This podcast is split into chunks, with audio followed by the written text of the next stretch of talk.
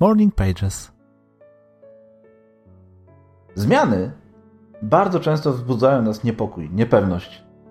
To całkiem zrozumiałe. Nasz organizm bazuje na rzeczach stałych, powtarzalnych. Przyzwyczaja się do schematów działania.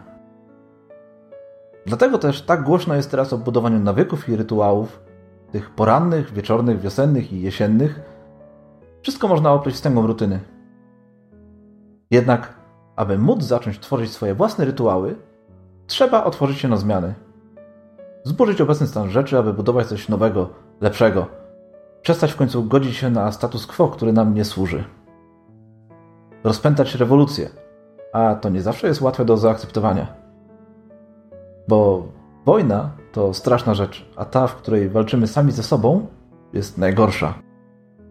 Ale szukając spokoju w władzie i porządku, musimy rozpocząć od totalnego bałaganu.